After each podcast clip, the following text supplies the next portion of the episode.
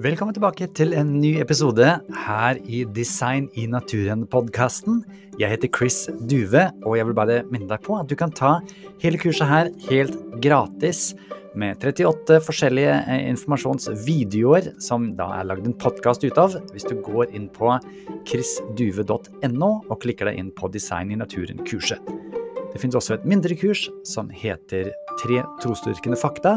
Alt dette er altså gratis tilgjengelig. Men nå er det på tide med dagens episode. Vær så god.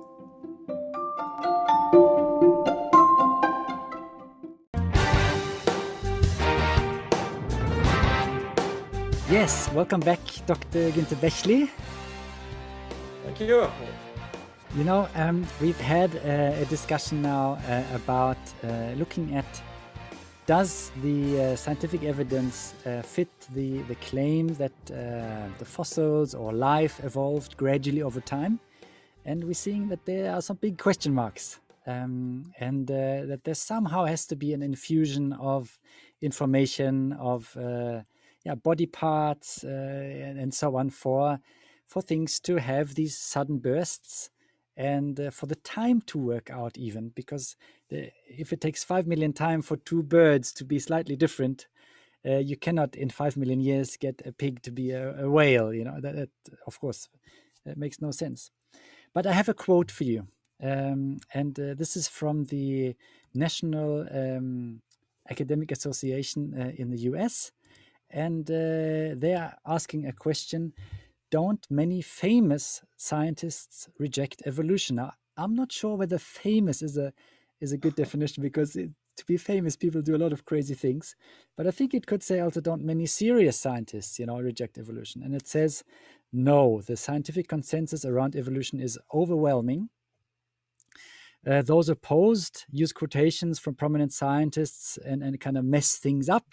For example, the biologist Stephen Jay Gould once wrote, the extreme rarity of transitional forms in the fossil record persists as a trade secret of paleontology. So, the rarity of these transitional forms is a problem. Um, but it says Gould, an accomplished paleontologist and eloquent educator about evolution, was arguing about how evolution took place uh, and that evolution actually did take place. As Gould would write in response, this quotation, although accurate as a partial citation, is dishonest in leaving out the following explanatory material, showing my true purpose to discuss rates of evolutionary change, not to deny the fact of evolution himself itself. So they're basically saying um, no uh, famous or, as it were, I think serious uh, scientists are saying there's a problem with evolution, but in the last um, slides that you showed us, uh, actually, you were telling a different story. Can you just repeat yeah. shortly what that conference was about? Yeah, sure. So maybe I bring this slide back up again. So this was a conference held in London at the Royal Society of London in 2016, and it was called New Trends in Evolutionary Biology. And what this whole conference was about is that there was a clash of two groups of evolutionary scientists. One was a, a group of, I would call hardcore adaptationist Darwinist people of the same thinking as, as Dawkins, uh, who said, well, Darwin figured it out and, and every, we don't need something new and everything works wonderful. And then there was a large group of, of scientists that now call for a so-called extended synthesis. They have recognized that Darwinism and especially neo-Darwinism, uh, so this combination of, of uh, uh population genetics with Darwin's ideas, uh, that this theory fails to explain all these crucial things like how new structures arise and how new complex organs come into being and how these discontinuities could be explained in the fossil record. And they call for new mechanisms. They recognize that doesn't work. They agree with intelligent design proponents and other Darwin critics with this critical part of Darwinism. But of course, they don't want to cross the river and, and say, well, that shows that intelligent design is true. So they desperately look now for new mechanisms. And in this extended synthesis, there, there, are people who discuss mechanisms like niche construction, which is the beaver constructs the dam and the dam feeds back on the environment and on the body of the beaver and so on. But uh, other things are, are, phenotypic plasticity and natural genetic engineering. And there is a lot of things, Evo Devo and, and uh, epigenetics, and a lot of ideas that are discussed. The problem with these ideas are either they don't address these crucial explanatory deficits that we talked about at all, so the fact that the beaver builds a dam, that the dam also changes the environment, doesn't explain how hairs arose or a eye, vertebrate eye or something. That explains maybe how uh, you have some feedback loop between the size and body of the beaver and, and its environment. Uh, that is one thing. Some of the other processes fail to, to explain the explanatory deficits because they ultimately have to rely on neo-Darwinian processes to explain their own origin. So for example, phenotypic plasticity, which is the fact that organisms can, in the same species, react to different environments with different kind of shapes or, or, or morphologies that is in a way pre-programmed and they of course claim pre-programmed by evolution. But then you have to explain how did this pre-programming this evolvability arise? And if neo-darwinism fails for these uh, described mathematical reasons then these approaches cannot get off the ground either. There is currently no alternative process that has shown in any way that it could fill these explanatory deficits, that it could fill these gaps. And uh, my personal prediction would be that in 10 or 20 years, when this really has failed this approach, then people might be more open to, to maybe also consider other paradigms to address a little bit what you have shown with this uh, quotation, there, there are two points that I think definitely need to be addressed. One is this quotation of Gould and the claim that this is misleading because Gould also had this idea together with Eldredge of punctuated equilibria to explain these discontinuities. That is actually misleading because Gould very explicitly said that his theory of punctuated equilibria is not to dismiss gradualism. He considered it as a gradualistic theory. It was never meant to explain macroevolutionary saltations. What he wanted to explain is discontinuities on the species to species level because he knew when we look at ammonites or trilobites that we never find these morphing of one species gradually into the other, but you have one species of trilobite and then you have a different species of trilobite, the one goes extinct, the other appears, but you don't have this kind of uh, uh, gradual climb of change, a directional change from A to B.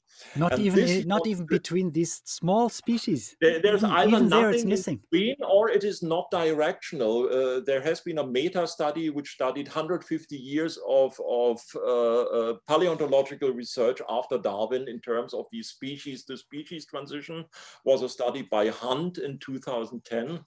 And what he found is that there is actually no evidence for directional change that one species changes into the other, but it's a kind of meandering, chaotic uh, variation of characters back and forth and not that you can see that one develops into the other.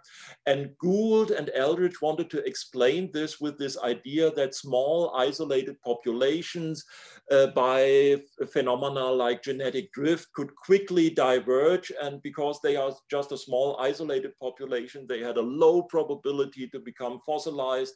And then uh, when they have diverged long enough and they, they spread, then suddenly a new species very similar to the other but a different species appears on the scene. So that was to explain abrupt speciation, but not uh, saltations in the macroevolutionary sense, uh, what we have talked in, in my presentation before. So it's complete nonsense to say that Gould uh, has done away with it. The other point is this, that there is a consensus of biologists that evolution is true. And that is actually in, in terms of mere, uh, let's say, uh, uh, doing a kind of poll among biologists, probably true. If you would ask 10,000 bi university biologists, they would all say, yes, of course, I believe in Darwinism.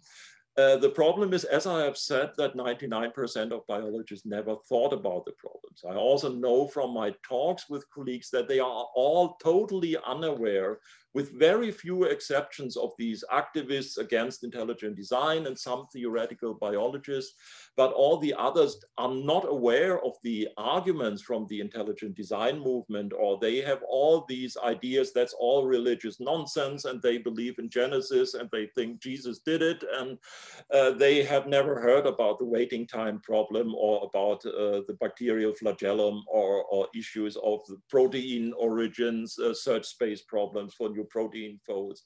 And that was something that also played a big role in my gradual uh, move from Darwinism to intelligent design that when I first encountered these arguments, and maybe I can show a different slide here, and I have to, I first came into contact with these arguments when I was still at the museum in Stuttgart and I was in charge of organizing the largest event in Germany for the celebration of the Darwin year in 2009, which was this double uh, uh, celebration of Darwin's birthday and, and of the 150th uh, anniversary of the first publication of his major book of the origin of species.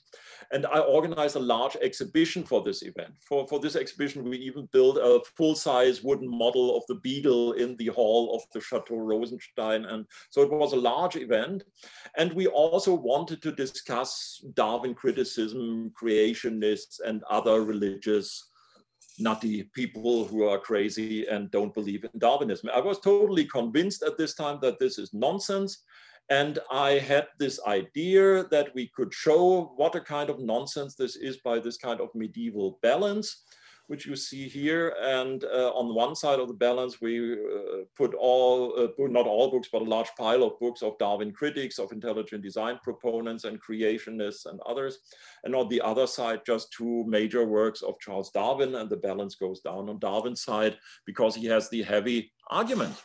And of course, we also put other things. You see these preparates of Wolpertingers, which are fantasy animals, which are combined from different animals to mock this creationist idea of the crocoduck or something. So we, we had different items, but also a model of the bacterial flagellum to discuss this argument from specified complexity. But for this uh, uh, exhibition item, I had to acquire all these books and I had them in my office uh, prior to the opening of the exhibition. And I thought maybe I just have a look in these books. There will probably come some creationists to the exhibition and will ask strange questions. So better be prepared to show them how dumb they are and how misled by their religion. And so I looked in the books and some fulfilled my expectation. Basically the young earth creationist books were as I expected based on Genesis and so on. But the books from the intelligent design movement were full of scientific arguments, mathematical arguments, good philosophy, good science. And uh, the fir my first impression was that is very different from the picture that is painted in, in the public and by, by some of my colleagues. And, and I had this impression of having been fooled and, and that these people are misrepresented, that their arguments are misrepresented. And I thought to myself, well, usually if something like this happens, then there's something wrong with this position if you have to misrepresent your opponents instead of showing their strongest arguments and try to refute them. And so I explored these questions more, and the more I explored these arguments, the more I thought, uh, well, this is not just interesting, but they, they uh, are actually valid arguments and valid criticisms. And I became more and more a Darwin critic myself. I have to say at this time, I was not a Christian. I was not even a theist. Uh, at this time, I, I uh, uh played with uh, ideas like process philosophy of Alfred North Whitehead, was a big fan of this and, and even named the species after Whitehead. uh, but uh, thought nothing of, of uh, Christianity and theism and had no theological reasons or to doubt Darwinism. I still have no theological reasons to doubt Darwinism. I could very easily reconcile, even though I have meanwhile become a Christian, uh, reconcile my interpretation of Genesis with Darwinism, even if Darwinism would be 100% true, because I don't believe in a totally literalistic interpretation of the, the scriptures. And uh, also, I have personally no problem to be descended from a ape-like ancestors. Actually, I don't understand why some Christians think it's more problematic to be descended from an ape-like ancestor than from an animated clump of clay. Uh, I think it makes doesn't make a big difference for God if He uses living or dead matter to achieve his goals. So theologically, this doesn't bother me. My reasons for doubting Darwinism were and are exclusively scientific reasons, and I think the, the evidence simply doesn't add up. In terms of an unguided process, I think the evidence is pretty solid for common ancestry, but totally wanting for an unguided process to account for these big changes. So different questions, why did you become a Christian then and, and a theist? And this has not much or nothing to do with intelligent design. Of course, when you become a theist, then of course you get some different idea who the designer could be. Before there were all options on the table. It could be aliens or we could be living in the matrix.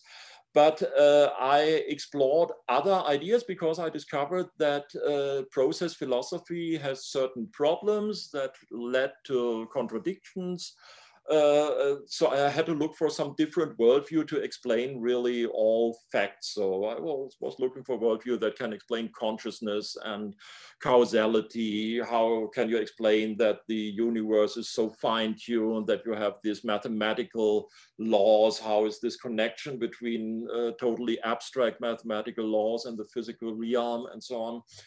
And uh, I explored different worldviews, also idealism and, and Eastern worldviews. And of course, also looked after I have discovered that most of these other worldviews have problems and are ultimately inconsistent, looked into theism, classical theism, and looked for the arguments of what you would call classical apologetics, philosophical arguments for the existence of God and found this highly interesting, very convincing, and relatively quickly after I explored these issues, which was maybe 10 years after I gave up on materialism. Uh, in the meantime, I had played with all these other ideas.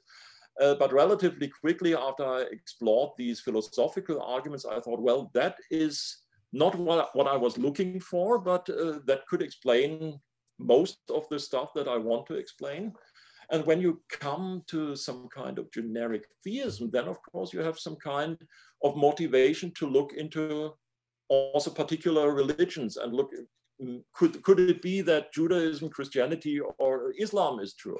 And then I looked at the historical arguments, arguments for the reliability of the Gospels, but also on the other side, what about all the contradictions in the, in the Gospels and contradictions in the Old Testaments and anachronisms and, and archaeological problems and so on and uh, also uh, historical evidence for the historicity of, of the resurrection and, and other arguments, and ultimately came to the conclusion that even though I really dislike Christianity, and it was not what I was looking for, I, if I would have to, to choose a religion, I was very much uh, let's say appealed by by kind of paganism because i love nature i love trees i feel much more inspired by walking in the woods than going to a church. So I was very much attracted by neo-paganism and some kind of Norse uh, paganism, so Asatru, and, and exploring this kind of, of uh, nature-related uh, uh pagan religion. That, that was more my kind of stuff, also because I'm not at all uh, this kind of uh, that I'm not the typical Christian character. I'm rather kind of from my natural Nietzschean. Uh, and, and so I had every incentive not to choose Christianity. I didn't like Christianity. I thought they are a bunch of self-hating, self-denying cowards crawling on the floor, begging for forgiveness, poor sinners, and so on. I, I, I really thought it's ridiculous. And uh, so when I came to the conclusion that the evidence suggests that this is actually true, it was not what I was looking for. And that gave me even more confidence that I was uh, really uh, uh, not having some kind of confirmation bias, just looking for stuff that confirms what you want to have, because I was finding evidence for things that I don't want to have. And, and uh, then the chance is quite high that this could be rather true than false. Uh, but of course, there's a grade. So I'm more convinced that materialism is false and that theism is true than I'm convinced that Christianity is true. So I would say I'm 99% sure that uh, materialism is false. I'm probably 75 to 90% sure that theism is correct. Uh, some kind of theism, I would currently hold to some kind of, of, of idealistic, theistic idealism, uh, like, like Jonathan Edwards, for example. And uh, I would say I, am maybe 60, 65% convinced that Christianity is true. So rather true than not, but it wouldn't take too much conflicting evidence to convince me otherwise. And I would be totally open if there is sufficient evidence to change my, my view again. But I have explored probably most of the arguments against this view. So I'm, I'm not too easy to surprise with, with new stuff by some internet fidels or infidels. Yeah. So, um, would you say that um, in a way science it was a, like an, an, a mind opener for you when you read? Because yeah, sure. I mean, you you were, you were a little bit uh, fixed in your ways, as it were. You know, working in the museum, and all your friends yes. and all your colleagues were going on the same road. Then you got some scientific input, and all of a sudden, uh, the field opened uh, it has certainly something to do with that. There's one thing is, of course, that you need this kind of curiosity that you want to find out what is behind everything, what, what holds the world together. Uh, that is something that probably every scientist has somewhere in his back of the uh, of his mind, and then it depends on other uh, uh, factors. How far are you willing to go in your exploration? Are you really open to follow the evidence wherever it leads, or are there certain restrictions where you say, well, whatever evidence you present, I will not uh, go there? And, and I've heard people I've talked to personally, colleagues who told me you could present whatever evidence you want. I would never believe in Christianity, even if Jesus would appear in my living room. I would rather think that I'm crazy than uh, uh, believe it. And, and uh, many famous atheists have made similar statements in public. So it depends, but this general curiosity, I think, is important to, to explore these issues. And then there's one thing where I am maybe a little bit more to this ideal how a scientist should be that I never had this very close attachment to certain views, also my own theories. So I gave up my personal theories in terms of, let's say, dragonfly re internal relationships or uh, relatively quickly when I had new evidence. And, and I didn't care if I 10 years long held a different view if the new evidence showed uh, that uh, this has to be changed. And this happened, for example, uh, with a lot of molecular data that came and looked totally different than what the morphological data suggested. And if you are, let's say, open to, to change your views based on evidence, uh, and, and you can transfer this from your narrow scientific field also to the wider worldview issues, then you are at least open to explore all different roads. And, and that's what I did. And I relatively quickly, I started to explore these issues rather based on a popular science interest in, in physics. And I discovered relatively quickly that, that materialism doesn't fit with uh, modern physics and is not supported by modern physics, but actually refuted by modern physics, but that would be a different talk. And uh, then, uh, of course, the question is what, what then? Uh, what different worldview could fill this gap? And then I started this kind of intellectual journey exploring all these alternatives, what could explain all the data best. And I ultimately ended up with classical theism as the, as the best answer. Well, I appreciate very much that you are, um, yeah, letting us be uh, a part of that journey because I think life is a lot about journeys. Yes. you start somewhere, yes, you, you get some packages, and uh, yeah, you get some packages, and you you move along. And um, I'm hoping that uh, the people who are watching this can take along that uh, to be open-minded and to be able to yeah fearlessly consider things and as the bible actually would say to test everything and hold on to the good right uh, i think exactly. that is a good conclusion of following where the evidence leads also cool. but i very much appreciate you spending time with us and uh, for three wonderful sessions thank you so much also for preparing for us and uh, yeah I hope, I hope we can speak again. sure.